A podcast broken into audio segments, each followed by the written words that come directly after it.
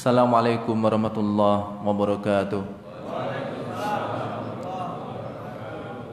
Innal hamdalillah nahmaduhu wa nasta'inuhu wa nastaghfiruh wa na'udzu bihi min shururi anfusina wa min sayyiati a'malina may yahdihillahu fala mudilla lahu wa man yudlil fala hadiya lahu asyhadu an la وأشهد أن محمدا عبده ورسوله.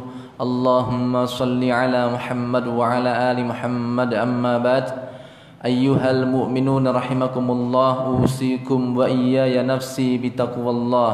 فقد فاز المتقون. حيث قال تعالى يا أيها الذين آمنوا اتقوا الله حق تقاته ولا تموتن إلا وأنتم مسلمون.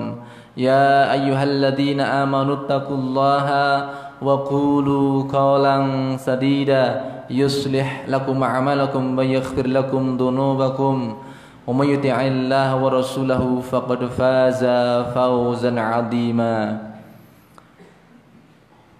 Pada para jamaah subuh yang berbahagia, para ketua, banyak ya ketuanya ya, baik kesubuhan Klaten dan semua yang hadir pada kesempatan pagi ini mari kita bersyukur kepada Allah Subhanahu wa taala atas limpahan nikmat dan karunia-Nya Allah hidupkan kita kembali setelah kematian kita.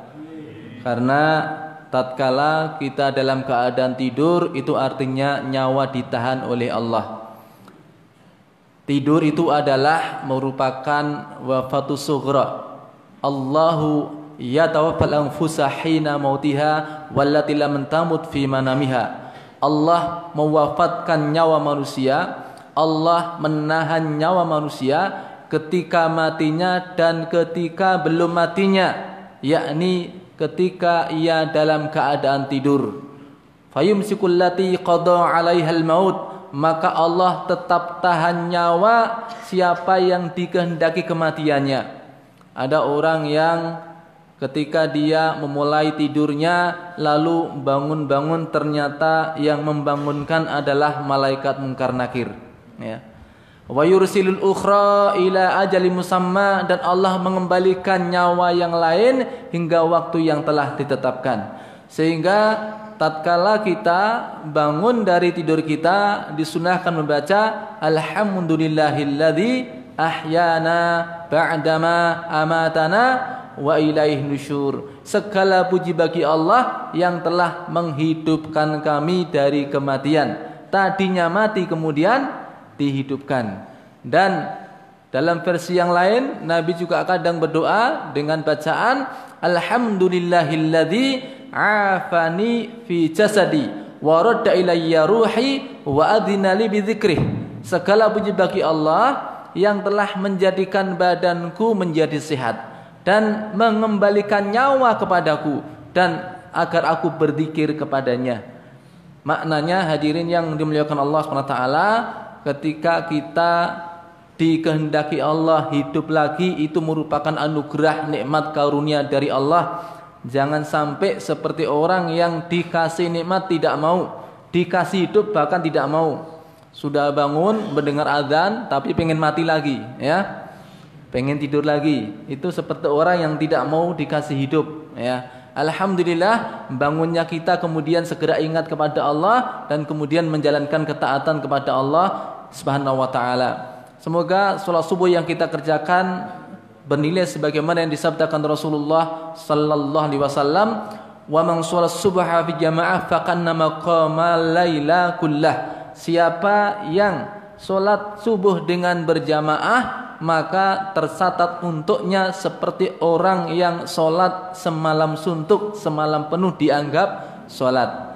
Ini adalah anugerah karunia dari Allah untuk umat Muhammad. Memang kita ini umat Muhammad tidak diberi umur sampai seribu tahun atau sampai ratusan tahun. Akmaru ummati baina sitina ila sab'in. Umur umatku itu kisaran antara 60 sampai 70 ada yang melampau itu tapi tidak banyak. Alhamdulillah eh, ada ketua Baikes yang ketua juga ya. Uh, umur 70 tahun juga ada ya. Ini merupakan karunia dari Allah. Jadi tidak banyak orang yang usianya itu melampaui 70 tahun. Usianya memang tidak panjang.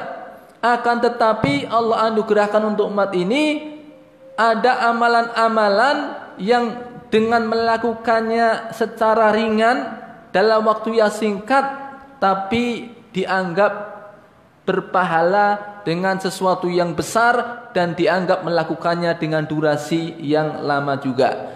Salat subuh berjamaah mungkin hanya 7 menit atau sampai 10 menit tapi dianggap sebagai orang yang salat semalam suntuk. Hadirin yang dimuliakan Allah SWT dan di antara anugerah Allah untuk umat ini adalah bahwa meskipun umur umurnya tidak panjang 60 sampai 70 tahun akan tetapi tersedia untuk umat ini amalan-amalan yang ketika dia mengerjakannya umurnya bisa mencapai seakan bernilai ribuan tahun. Dengan cara apa?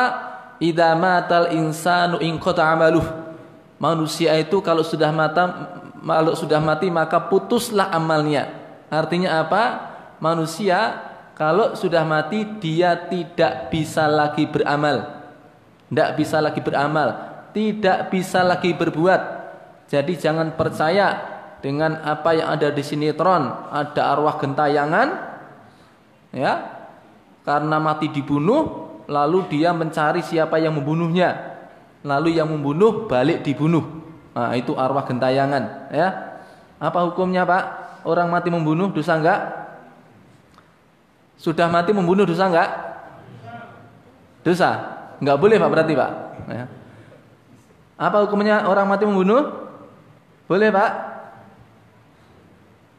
Belum belajar fikihnya ya? Apa hukum orang mati membunuh ya? Tidak ada fikihnya karena tidak ada kasusnya ya. Itu kasusnya hanya ada di sinetron Indonesia ya. Orang kalau sudah mati ingqata amaluh, putus amalnya, mana bisa dia mencari orang yang telah membunuhnya balas dendam? Enggak ada. Begitupun makanya kalau kita mohon sesuatu mohonlah kepada Allah jangan memohon kepada orang yang telah mati. Kenapa? Orang yang telah mati itu sudah putus amalnya, dia tidak bisa berbuat sesuatu. Ya, kecuali tiga, artinya apa? Ada amalan-amalan dia di dunia yang ketika dilakukannya maka dia seperti seakan dianggap masih hidup dalam keadaan melakukan ketaatan kepada Allah Subhanahu wa taala. Apa itu? Sodakotin jariyah, sedekah jariyah. Seseorang yang dengan hartanya membangun masjid, maka selagi masjid itu dimanfaatkan kaum muslimin untuk sholat, untuk melakukan kajian-kajian Islam, untuk sesuatu yang manfaat, maka orang yang membangunnya mendapatkan pahala untuk setiap manfaat yang digunakan oleh kaum muslimin. Dia mendapatkan pahala dari setiap solat orang-orang yang solat di dalamnya. Lalu bagaimana kalau masjidnya direhab? Wah ini kadang-kadang masalah pak. Ya, kadang-kadang apa? Masalah. Wah nanti kalau direhab ini bagaimana orang tua saya yang telah mewakafkannya? Jangan-jangan terputus amal jariahnya? Tidak. Ya dia mendapat pahala dari sisi mempelopori kebaikan. Man sanna sunatan hasanatan fil Islam fallahu ajruha wa ajrul ladzi man amila biha badahu. Barang siapa yang mempelopori suatu kebaikan di dalam Islam, maka baginya pahala dia dan pahala orang-orang yang mengikutinya. Taruhlah hari ini Masjid Al-Baru sekian. Siapa tahu nanti jadi ya berapa hektar? Ya tidak sampai hektar lah ya. Mungkin lebih luas lagi misalnya ya terpaksa bangunan utama misalnya dipugar itu bukan sesuatu yang kemudian menghilangkan sedekah jariah dari orang yang membangunnya. Setidaknya dia menjadi pelopor dia menjadi pemula dia yang memulai maka untuk setiap pahala orang-orang yang mengikuti jejaknya dia juga mendapatkan pahalanya ini sedekah jariah. Yang kedua adalah au ilmin yuntafa'u bih, ilmu yang bermanfaat. Sebanyak orang yang diajari oleh dia, diingatkan oleh dia, dimotivasi oleh dia, lalu mereka beramal dengan amalan yang benar, maka orang yang memiliki ilmu ini mendapatkan pahala sebanyak amal orang-orang yang mengikuti apa yang telah diajarkannya. Al ilmu yuntafa'u bih. Yang ketiga ini yang kita kaji, yakni awwaladin salihin yad'ulah. Anak soleh yang mendoakan orang tuanya. Hadirin, kalau kita punya anak soleh, maka bisa jadi kita meraih ketiga-tiganya ada sedekah jariah di mana orang tua mendidik anaknya dengan mengorbankan hartanya demi pendidikan anaknya supaya menjadi anak yang saleh. Hingga setiap kesolehan yang dilakukan oleh anak, orang tua juga mendapatkan pahalanya meskipun dia sudah wafat. Ya. Untuk seorang anak yang saleh Orang tua juga mengajarkan kepadanya nilai-nilai ketaatan, mengajarkannya membaca Al-Quran misalnya, maka untuk setiap amal soleh anaknya, orang tua juga mendapatkannya. Ya, au ilmin yuntafa'u bih. Masya Allah, di antara orang tua ada orang yang kelihatannya ngantuk. Kalau di sini tidak ada yang ngantuk, kecuali yang ya khilaf. Ya, ada orang tua yang sedang ngantuk, tapi ternyata dia sedang dihitung membaca Al-Quran yang setiap hurufnya mendapatkan pahala satu kebaikan dilipatkan sepuluh kali. Kenapa? Al-ilmu au ilmin yuntafa'u. Ilmu dia dimanfaatkan anaknya. Anaknya membaca Al-Quran karena diajar orang tuanya. Maka orang tuanya juga mendapatkan pahala membaca Al-Quran. Ya. Sampai mungkin bukan saja ngantuk. Ya. Awalnya sih ya memperhatikan khusyuk ya tadakur tafakur tapi lama-lama mendengkur ya khilaf juga ya nah itu tetap mendapat pahala karena apa? Pada saat dia tidur anaknya sedang membaca Al-Quran. Anaknya sedang melakukan ketaatan. Maka dia mendapatkan aw ilmin yuntafa'u bih. Dan inilah kalau seseorang memiliki anak yang soleh dia sekaligus bisa mendapatkan tiga-tiganya yang ini menjadi hal yang bisa menjadikan umur pahalanya lebih panjang daripada usia dia. Ya. Jadi ada orang yang umurnya 70 tahun tetapi serasa 700 tahun. Ya. Ada orang yang umurnya 60 tahun serasa 600 tahun atau bahkan lebih. Hadirin yang dimuliakan Allah SWT Wabil khusus tentang anakmu adalah nyawa keduamu. Jadi ketika seseorang memiliki anak itu bahkan kalau kita perhatikan ayat-ayat mungkin kita sering mendengar istilah uh, rezeki anak soleh. Bahwa anak soleh itu adalah rezeki. Ternyata kalau kita lihat dan kita baca ayat-ayat anak itu lebih dari sekedar rezeki. Bahkan tidak ada ayat yang menyebutkan bahwasanya anak adalah rezeki itu tidak ada. Yang ada adalah lebih dari itu, ya. Di antara ulama mengatakan kullu fid dunya rizqu minallah ilal aulad. Ya. Segala yang ada di bumi ini adalah merupakan rezeki Allah kecuali anak. Loh, anak kok bukan rezeki? Lebih dari rezeki. Ya. Fahum Hibah min hibatillah itu adalah merupakan hadiah dari Allah. Apa beda rezeki dengan hibah? Ya. Kalau rezeki itu ata bimukabil pemberian ada imbal baliknya. Tetapi hibah ata bila mukabil pemberian tanpa ada imbal baliknya. Itu yang disebut dengan hibah. Anak itu adalah hibatu minallah. Maka kalimatnya apa doa Nabi Ibrahim? Rabbi habli minas salihin bukan rabbi rizukli minas salihin tapi rabbi habli minas salihin wahai Rabbku hadiahkanlah kepadaku anak yang saleh satu ayat yang lain ya yahabu lima yasha'u wa yahabu lima yasha'u ya. Allah yang memberikan hadiah kepada siapa yang dikendaki anak perempuan Allah pula yang memberikan hadiah kepada siapa yang dikendaki anak laki-laki. Ini pakai kata hibah juga.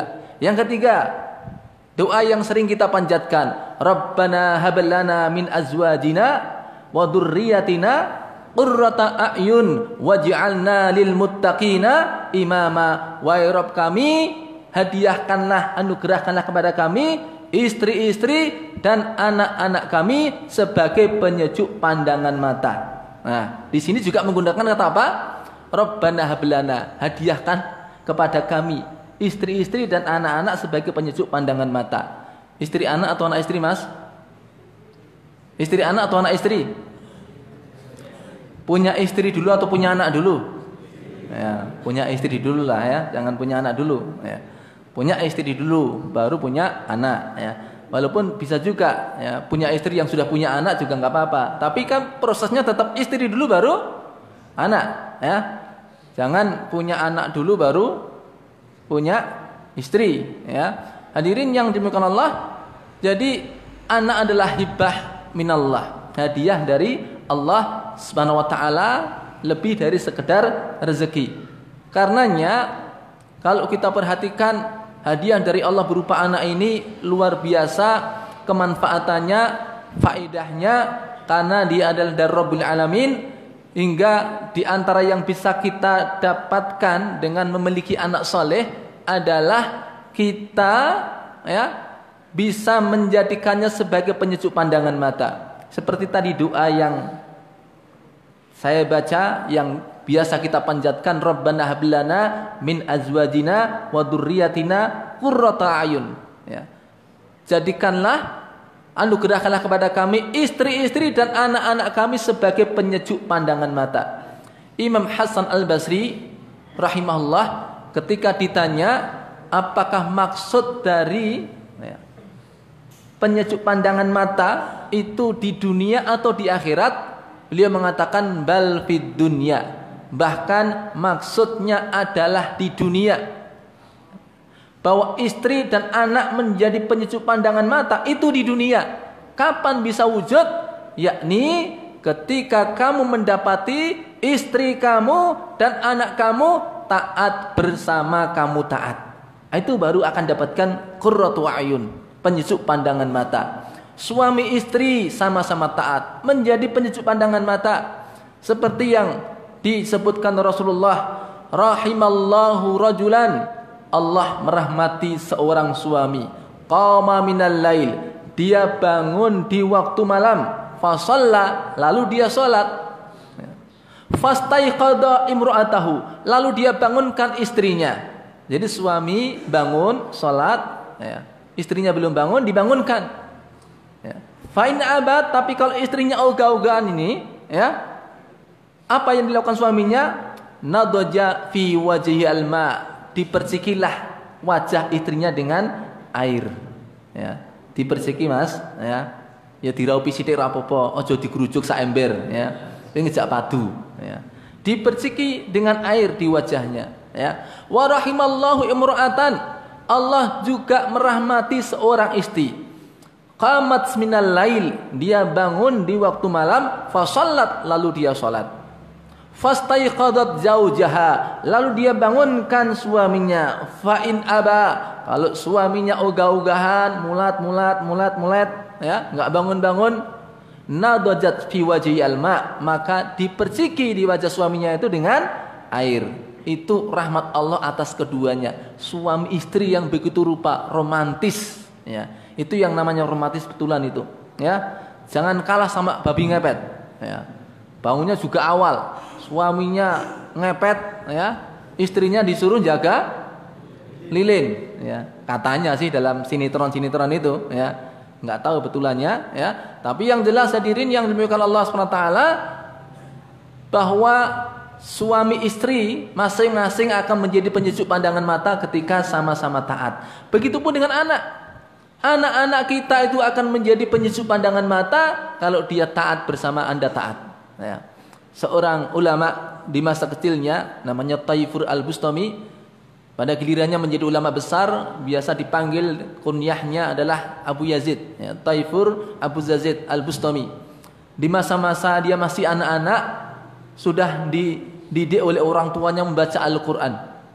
Hingga dia di masa anak-anak sudah bisa membaca Al-Quran dan sudah ngerti bahasa Arab. Masih anak-anak tapi ngerti bahasa Arab Ya, ini menjadi bukti bahwasanya bahasa Arab itu mudah. Buktinya apa? Anak kecil bisa bahasa Arab. Ya, ya enggak? Jangankan anak kecil, ya, orang gila bisa bahasa Arab. Percaya enggak? Orang gila bisa bahasa Arab. Ini Arab percaya kono nang Arab mereka Mas, ya. Ngomyangi bahasa Arab, Mas, ya. Wong kono lho misu-misu bahasa Arab lho ya. ya.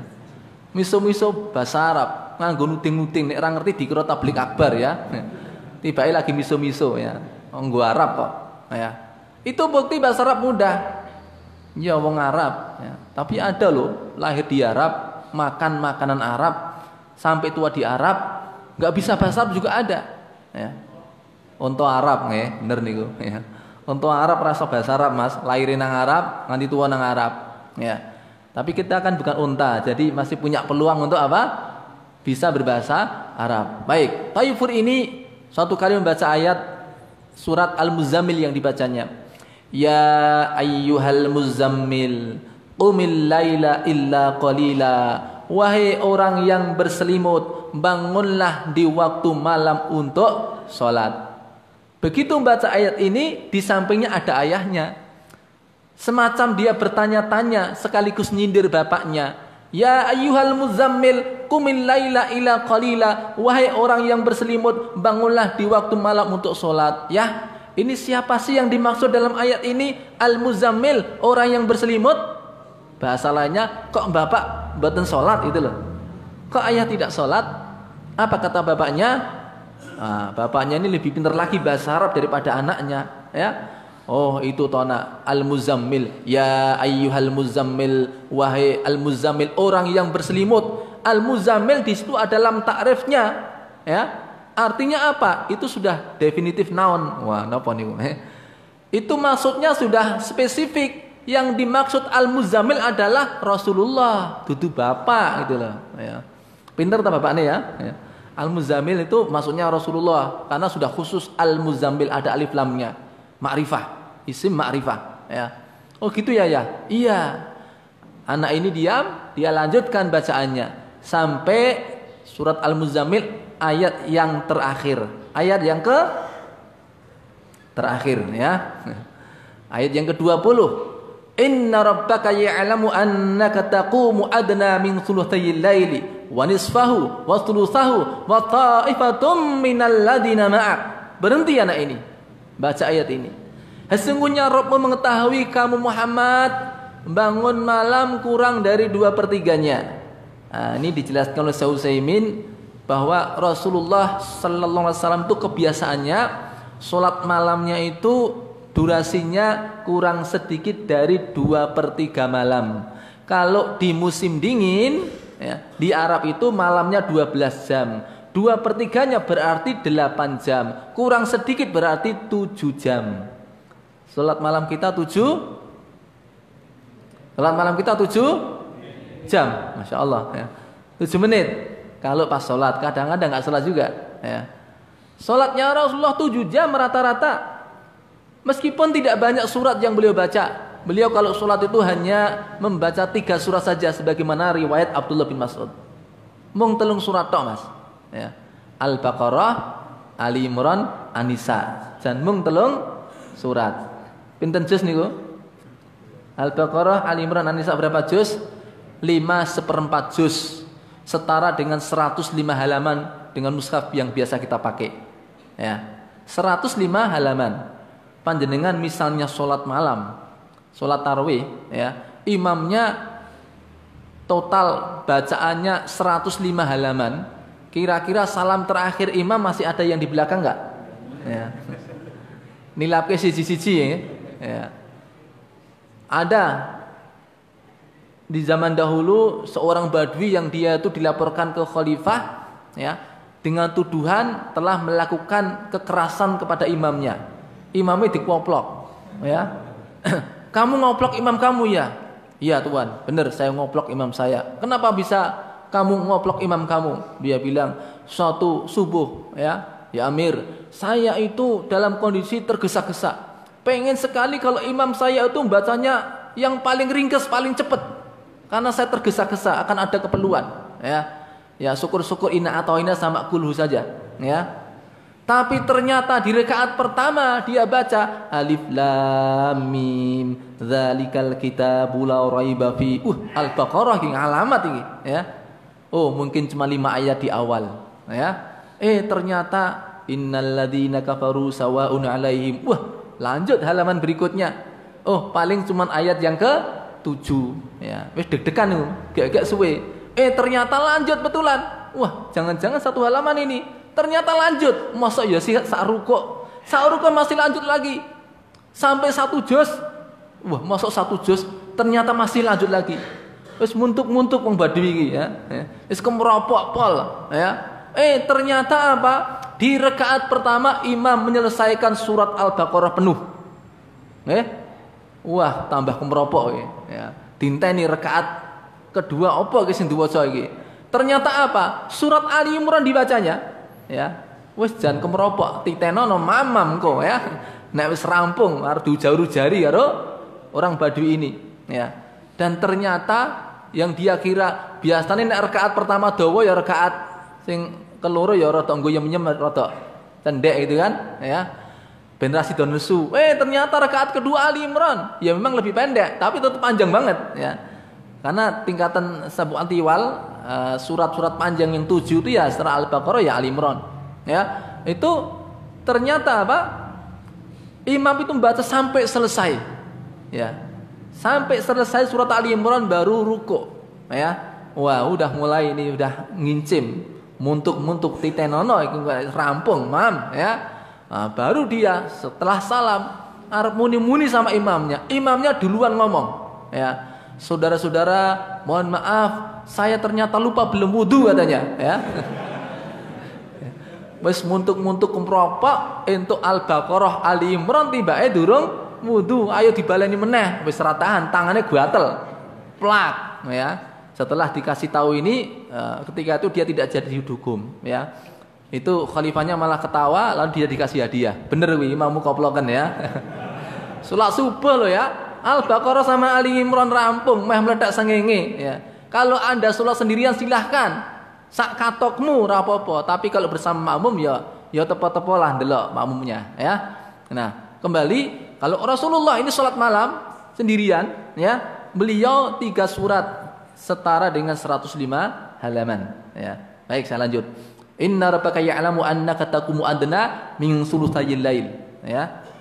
Kamu Muhammad Bangun malam kurang dari dua pertiganya dan separohnya dan sepertiganya. Wa ta'ifatum minal ladina ma'ak. Begitupun dengan segolongan orang yang bersama kamu. Berhenti anak ini.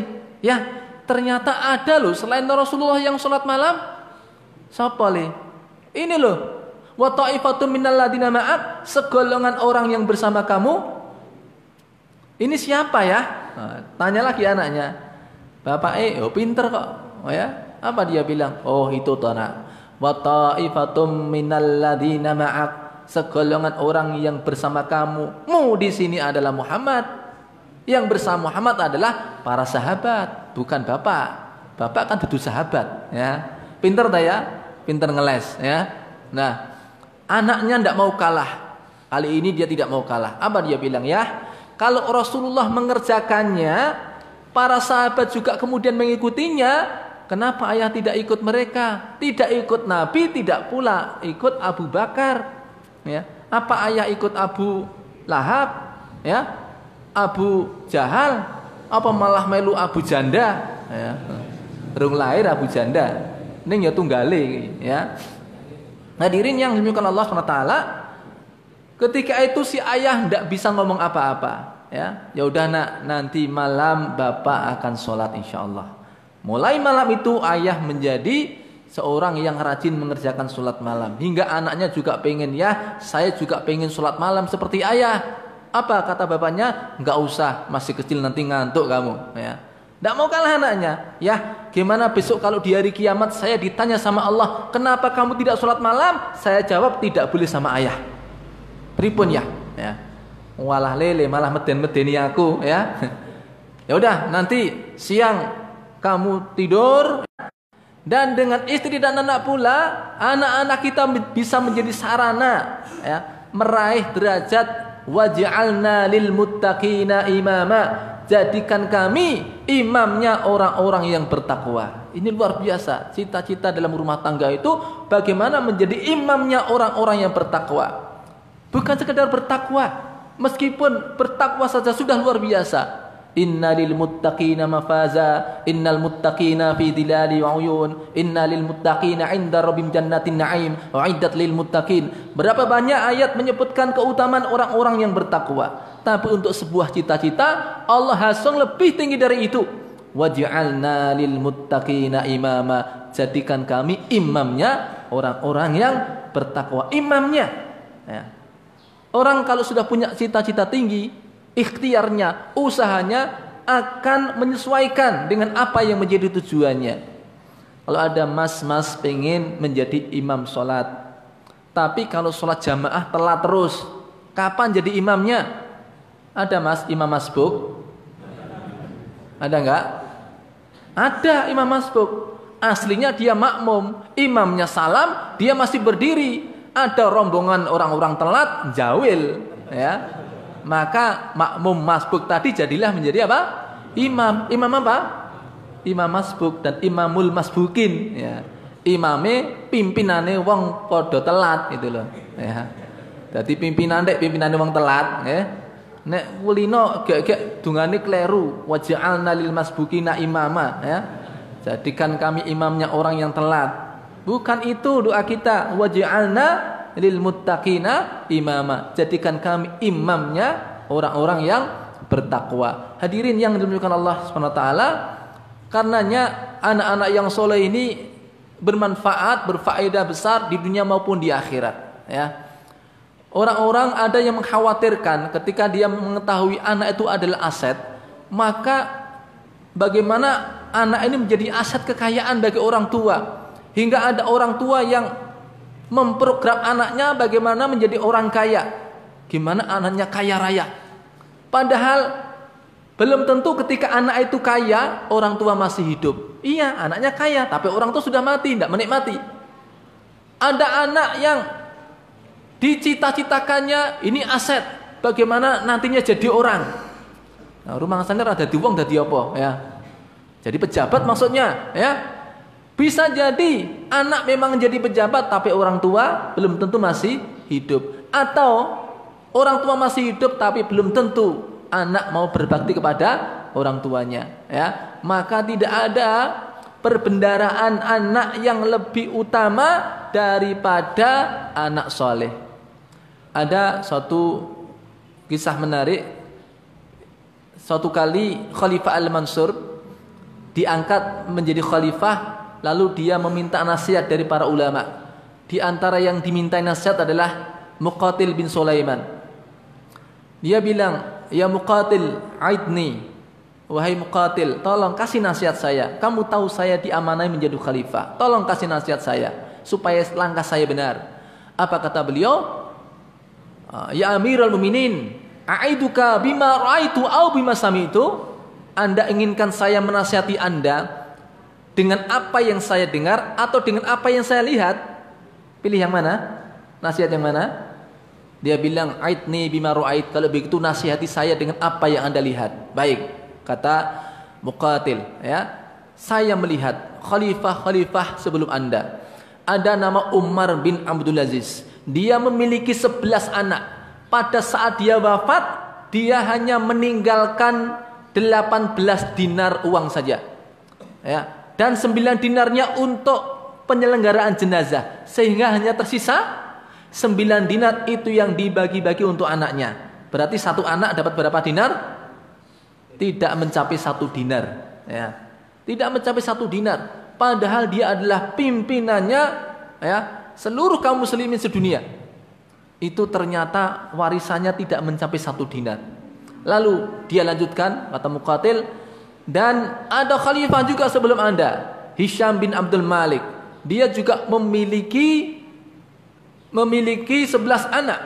Masing-masing anak ketika wafatnya mendapatkan warisan sebanyak satu juta dinar. Berapa? Satu juta dinar. Bandingkan Warisannya Umar bin Abdul Aziz berapa? Maksimal satu dinar. Warisan anaknya Warisan untuk anak Hisham bin Abdul Malik berapa? Satu juta dinar masing-masing. Selisih berapa? Selisihnya bukan angka, digit. 6 digit. Satu juta dinar. Nek cara saiki piro? Satu dinarnya 4 seperempat gram emas. Ya. Satu gramnya itu 500 misalnya. Atau bahkan sampai hampir 600 ya. Uh, berarti satu dinar itu kira-kira dua setengah juta. Dua seperempat dua seperempat sampai dua setengah juta. Ya. Artinya apa? Warisan satu juta dinar itu senilai dengan satu juta dikalikan dua setengah juta. Berapa pak? Dihitung dewi nggih.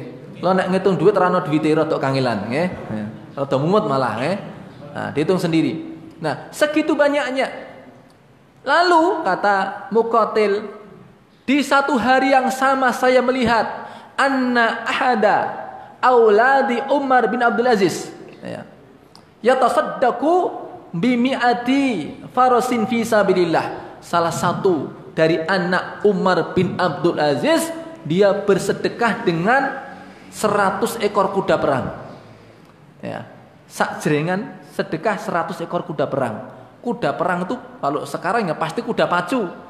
Nggak mungkin kuda perang nggak bisa lari.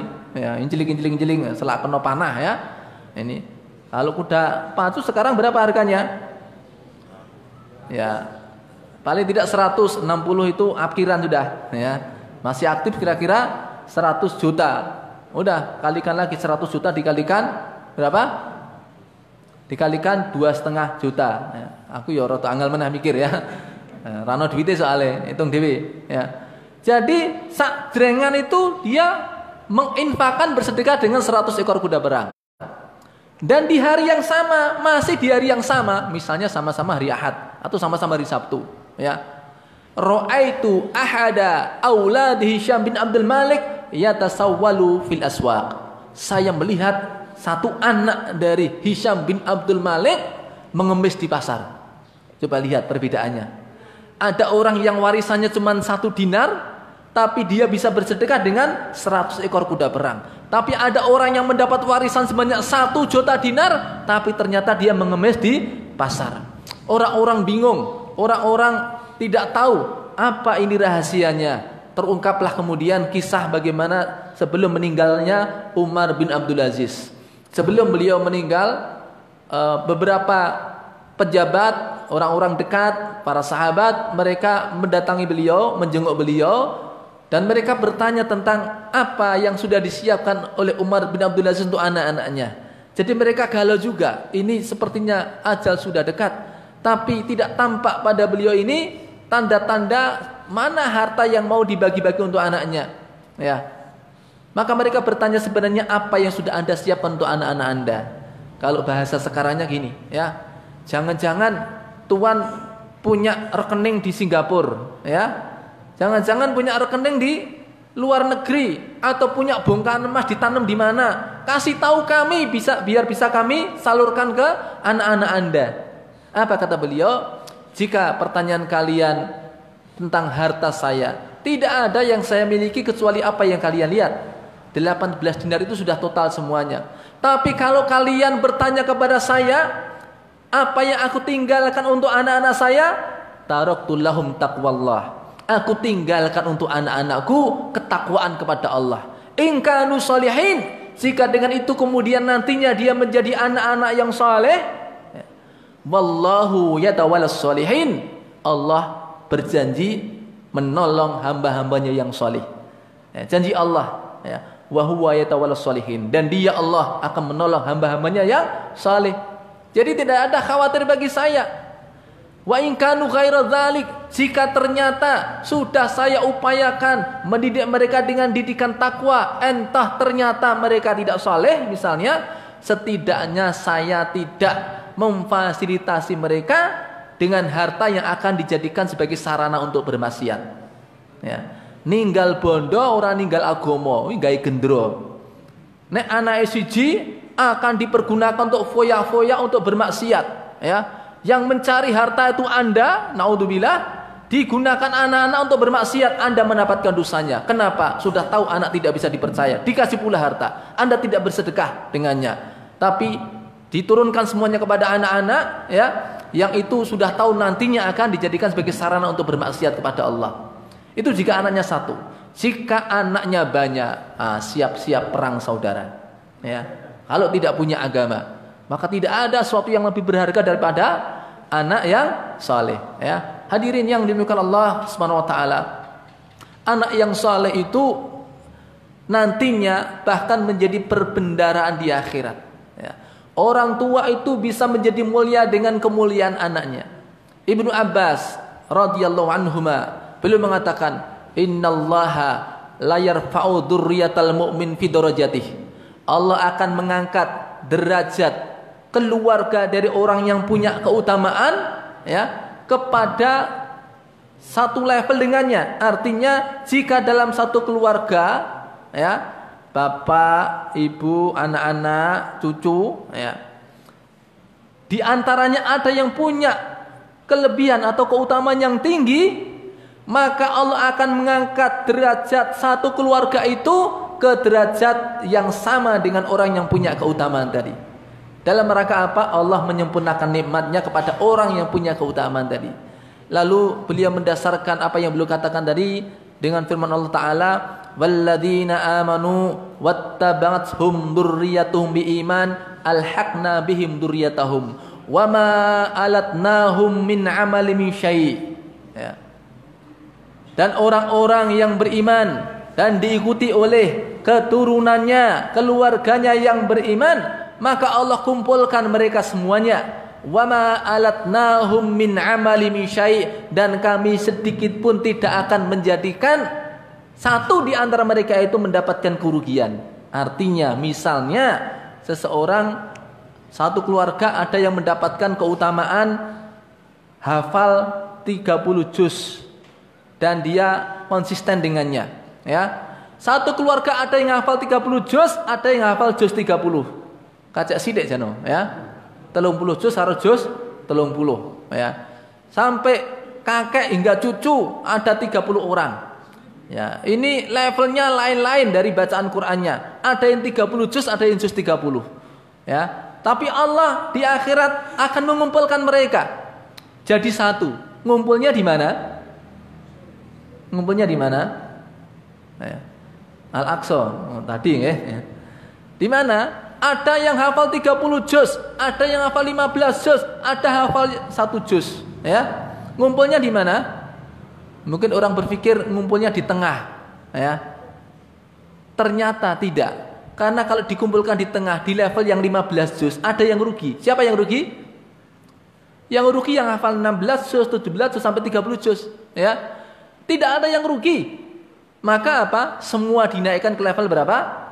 30 juz. Masya Allah. Karenanya programkan hadirin yang dimuliakan Allah Taala, ya. Setidaknya satu keluarga satu penghafal Quran. Cocok nggak? Satu keluarga, satu penghafal Quran. Didik dengan baik, bagi mendorong dengan baik, motivasi dengan baik. Ada satu anggota keluarga kita yang hafal Al-Quran. Belum bisa juga. Ya, kalau belum bisa, bagaimana satu keluarga menghafal 30 juz. Makanya kalau anaknya banyak, nah, ringan itu. Bapak, anak, anak ewolu, nah, lumayan. Ya, berapa? 10 orang, masing-masing jatahnya berapa? tiga juz, ya lumayan ringan ya. Nanti kalau menghatamkan Quran itu tinggal gilirannya sesuai dengan hafalan masing-masing. Itu top markotop itu. Sebelum masing-masing hafal 30 juz ya. Satu keluarga hafal 3 juz. Makanya anak banyak itu bagus ya. Uh, anak kan nyawa keduamu, bisa nyawa ketigamu, nyawa keempatmu, sampai ke sepuluh nih anaknya sepuluh ya. Karena apa? Inna auladakum min kasbikum. Apa yang diusahakan anak kamu itu dari supaya kamu usaha dia, amal dia adalah amal kamu juga. Ya. Maka uh, juga tenang saja saudara-saudara karena juga sudah ada lampu hijau. Lihat di jalan-jalan itu. Dua anak lebih baik, ya enggak? Dua anak lebih baik. Anak loro luwe ape? Ya, berarti luwe kaloro ape, ya. Ya enggak? Ya aku mau mau nang dalan-dalan kae, ya. Nah, hadirin yang demikian Allah SWT jadi ketika belum mampu satu orang menghafal Quran, Al-Quran dihafal satu keluarga. Belum bisa juga. Nah, usul saya dibawa ke rapat RT. Ya. Siapa tahu satu RT ada yang apa ini bisa diajak 30 orang untuk menghafal ya Al-Qur'an ya. Kira-kira matur lagi ya. Digawa nang ada RT Pak RT ya. Wah, ini yang nyuting ini Pak RT kayaknya ya. ya. Nanti di apa? di syuting kok di syuting ya diusulkan di rapat RT ayo sekarang Al-Quran dihafal satu RT kalau perlu ada 30 kakak nanti masing-masing dibagi satu juz sesuai dengan nomor kakaknya kira-kira bisa nggak angel Ustaz golek wong 30 kuwi sing gelem ngapalne sak juz ya ya nek ra iso sak RT gawa nang rapat RW ya wong swidak nah nanti ya masing-masing keluarga menghafal setengah juz. Wis bapak seanak setengah juz apa apa. Nah, nanti kalau mau menghatamkan Quran, ya mereka kumpul tasmi, ya sesuai dengan jatah masing-masing itu luar biasa. Sama lebih Quran kok ya. ya. Ya bukan masalah masuk Qurannya, menjadi pelopor itu mendapat pahala dari orang-orang yang mengikuti jejaknya. Baik hadirin yang dimuliakan Allah SWT, karenanya uh, saya menghasung pada saya pribadi dan juga uh, hadirin sekalian, ya Eh, kita mohon kepada Allah hadiah hibah dari Allah SWT berupa anak-anak yang saleh bukan sekedar kaya atau apa tapi yang paling utama adalah anak-anak yang saleh tentu kita juga memahami konsekuensinya mohon maaf karena rata-rata orang tua sudah paham dan kalau ngundang ya uh, akikohan atau ada yang tidak akikoh pokoknya ngundang tetangga juga ketika punya anak ya itu selalu apa kalimatnya semoga menjadi anak yang soleh. Tapi tidak tahu anak soleh itu apa. Dikiranya anak soleh adalah anak yang tidak punya musuh sama sekali. Kalau perlu saking tidak punya musuh ya, ketemu malaikat salaman, ketemu setan rangkulan. Nggak punya musuh kok, ya. Dikiranya anak soleh seperti itu. Nggak tahu bahwasanya anak soleh itu kira-kira nanti punya musuh nggak? Yang paling soleh itu Rasulullah. Punya musuh nggak? Wow, banyak ternyata ya. Nah, maka bagi yang pengen punya anak soleh pikirkan lagi. Siap tidak dengan konsekuensinya ya? Karena ternyata anak soleh juga dia akan punya musuh. Dan orang baik kadang-kadang musuhnya juga tidak sedikit. Karena orang jahat dengan orang yang baik lebih banyak bisa jadi lebih banyak orang jahatnya ya? Karena pikirkan lagi apa iya pengen menjadi anak yang soleh anaknya itu ya? Dan kalau kita sudah putuskan pengen anak kita anak yang soleh maka kita tahu caranya ilmunya seperti apa, lalu konsisten dengannya. Banyak orang yang bilang pengen anaknya soleh, tetapi apa yang dilakukannya tidak nyambung dengan apa yang menjadi tujuannya. Ya, anaknya pengen soleh, lalu dikasihkan perangkat-perangkat, ya, eh, TV yang paling gede, kemudian kasih CD-CD apa, eh, cara belajar joget, yang ngibing dan yang lain-lain, ya. Biar anak soleh tak ajari ngibing, itu hubungannya apa? Ya, dikursuskan ini itu yang tidak ada hubungannya dengan ya kesolihan. Ya, tidak ada hubungannya dengan kemanfaatan atau bahkan cenderung kepada sesuatu yang merupakan sarana kemaksiatan ya. Hadirin ini yang uh, bisa saya sampaikan dan mudah-mudahan Allah menjadikan kita yang di sini ini dan juga semua yang menyaksikan ini dan juga kaum muslimin secara umum ya mendapatkan uh, anugerah dari Allah Ah, istri-istri dan anak-anak sebagai penyejuk pandangan mata dan uh, menjadikan kita yang hadir ini sebagai imamnya orang-orang yang bertakwa. Sesuai dengan doa kita Rabbana hablana min azwajina wa dzurriyyatina qurrata ayun waj'alna lil muttaqina imama. Sekian dari saya akhirul kalam. Assalamualaikum warahmatullahi wabarakatuh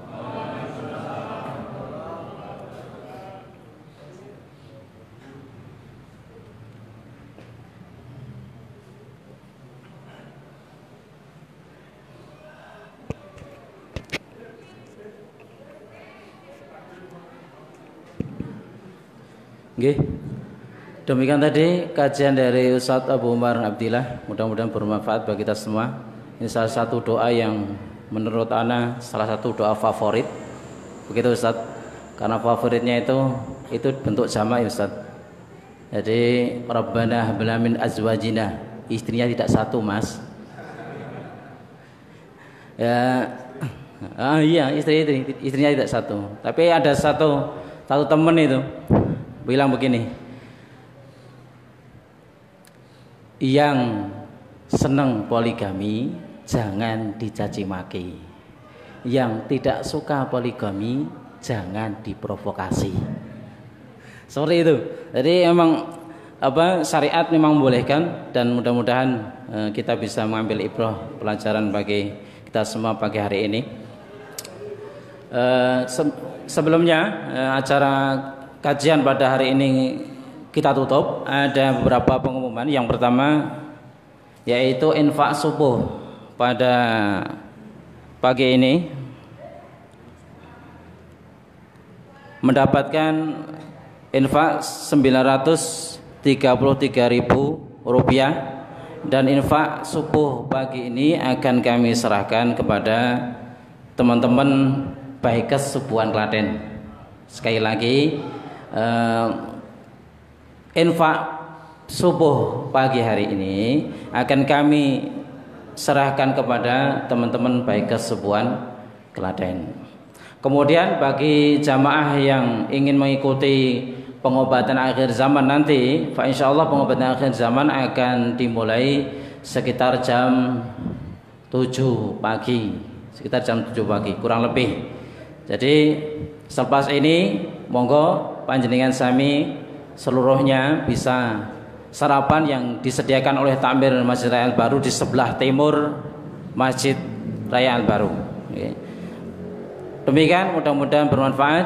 Kurang lebihnya sekali lagi apabila dari Takmir Masjid Al Baru kurang dalam menyambut panjenengan semua, saya sebagai wakilnya mohon maaf sebesar-besarnya. Kita akhiri kajian pada pagi hari ini dengan membaca doa kafaratul majlis. Subhanakallahumma bihamdika asyhadu an la ilaha illa anta astaghfiruka wa atubu ilaik. Barakallahu fikum. Assalamualaikum warahmatullahi wabarakatuh. Silakan Mas-mas ambil sarapan di sebelah timur Pak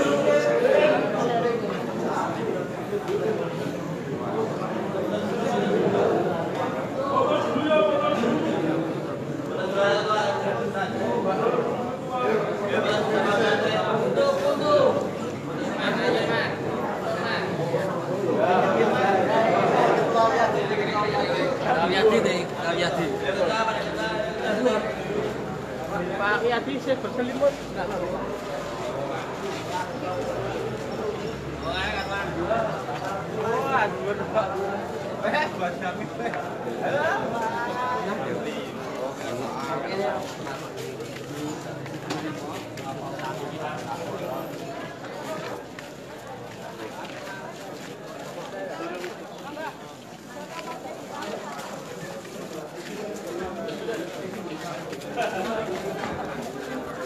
enggak Akhirnya sama saya sudah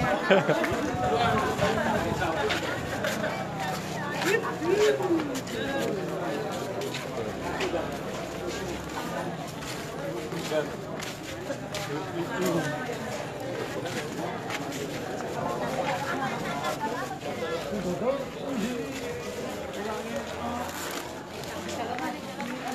satu,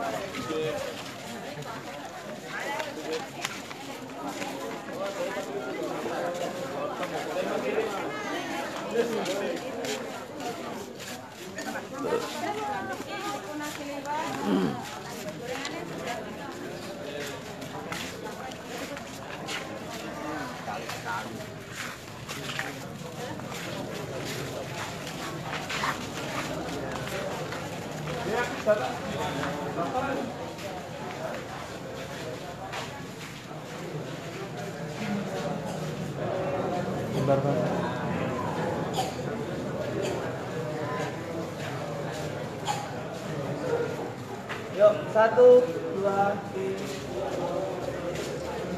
Sekali lagi.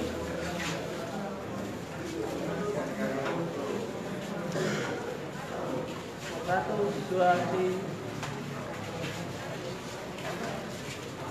Takbir, takbir.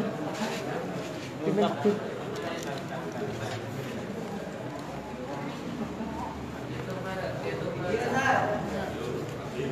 video Tambah takbir. Takbir. Komporgas, komporgas.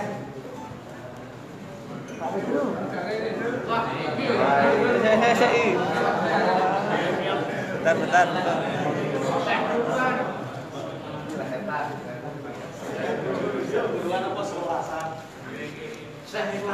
Yo takbir. Satu, dua, tiga. Takbir.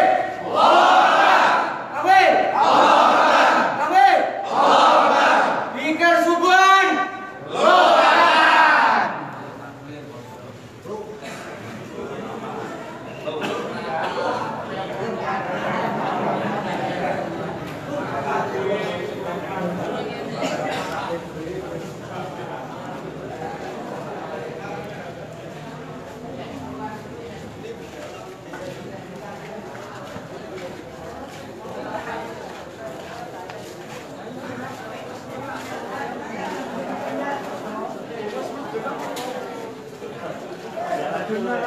sik. Ini metu-metune ge, ra popo, aman. Nyandak ra to? Nyandak ra to? Nyandak ra. Iso. Dekene ya? Heeh.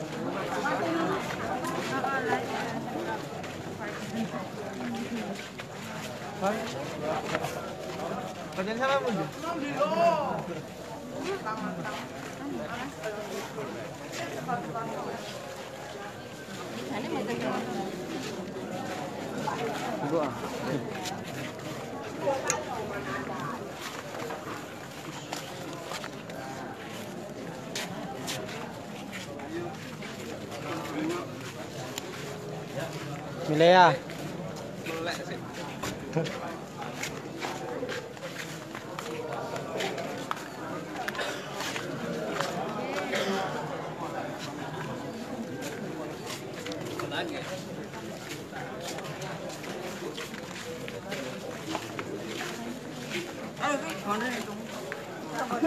Eh bro sini bro.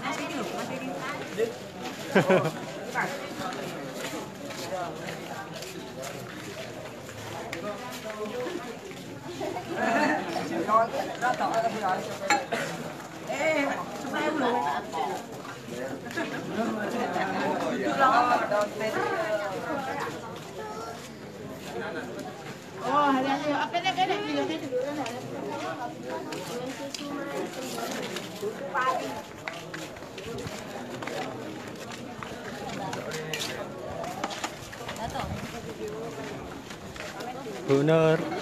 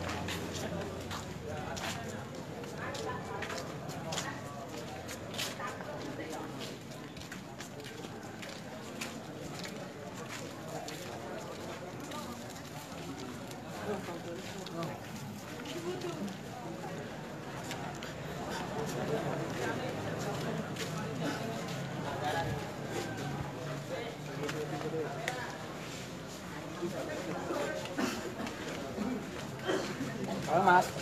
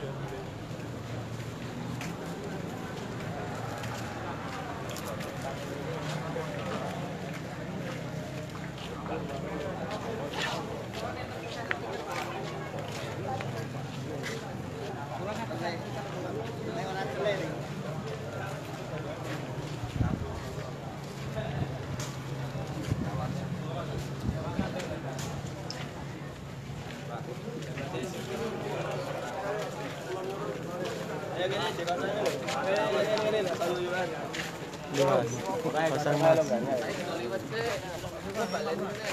Mayus. Hangat-hangat. Bawa.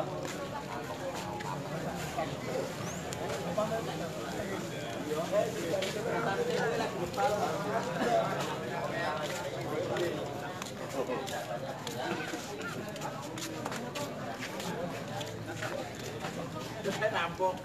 diulang. Boleh, Oke, satu, dua, tiga.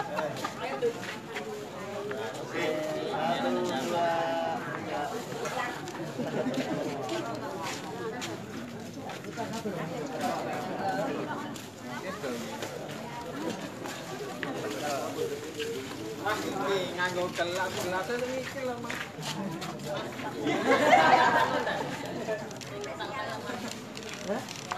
Iki to, ayo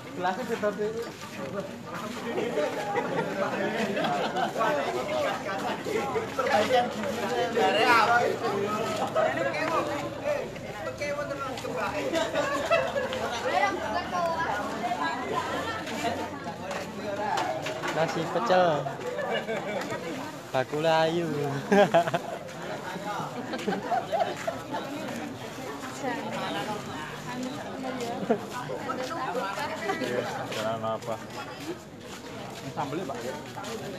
Gorengan.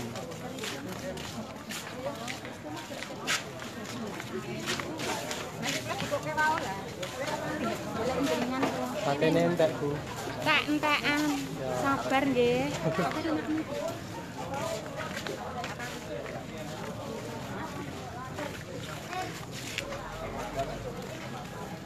Di soto. Bakule rau. Eh tapi mari laris ya Oh ya. iya. Rasanya gimana, Bu? Rasa soto. Soto al baru. Soto soto soto niki niki niki. Kenapa? Sampai. Karo bose iki. Kadang dia aku itu nabo pelus tenan ini. Bakal terluwes iya soto. Ini disering.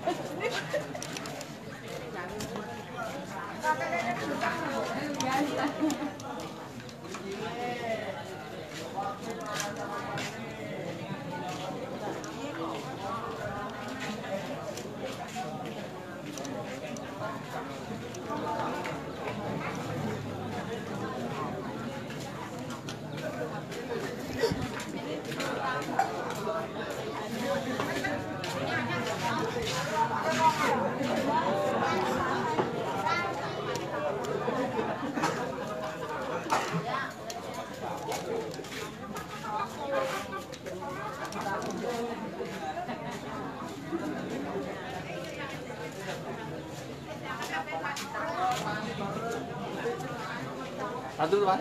Langsung. Satu tapi lagi. Betul. Mana sih aku?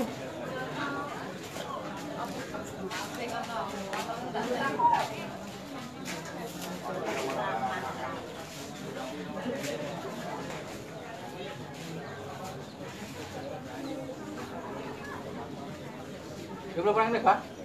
Belum pernah ini, Pak.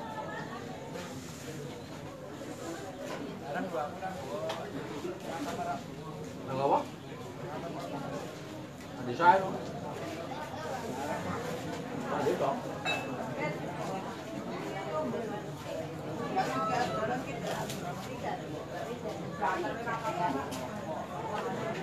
Berenang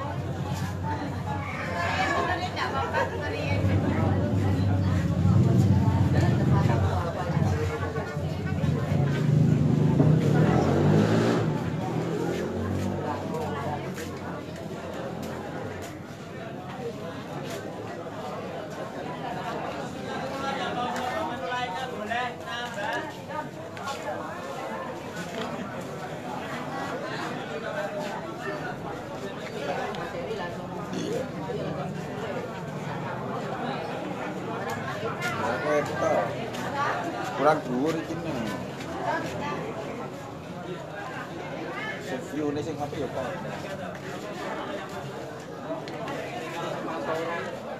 Nah, iki lho. Lha lho tengane. Biasane diam-diam kan sing mahal, Pak. Biasane. Oh, lha iki Saya.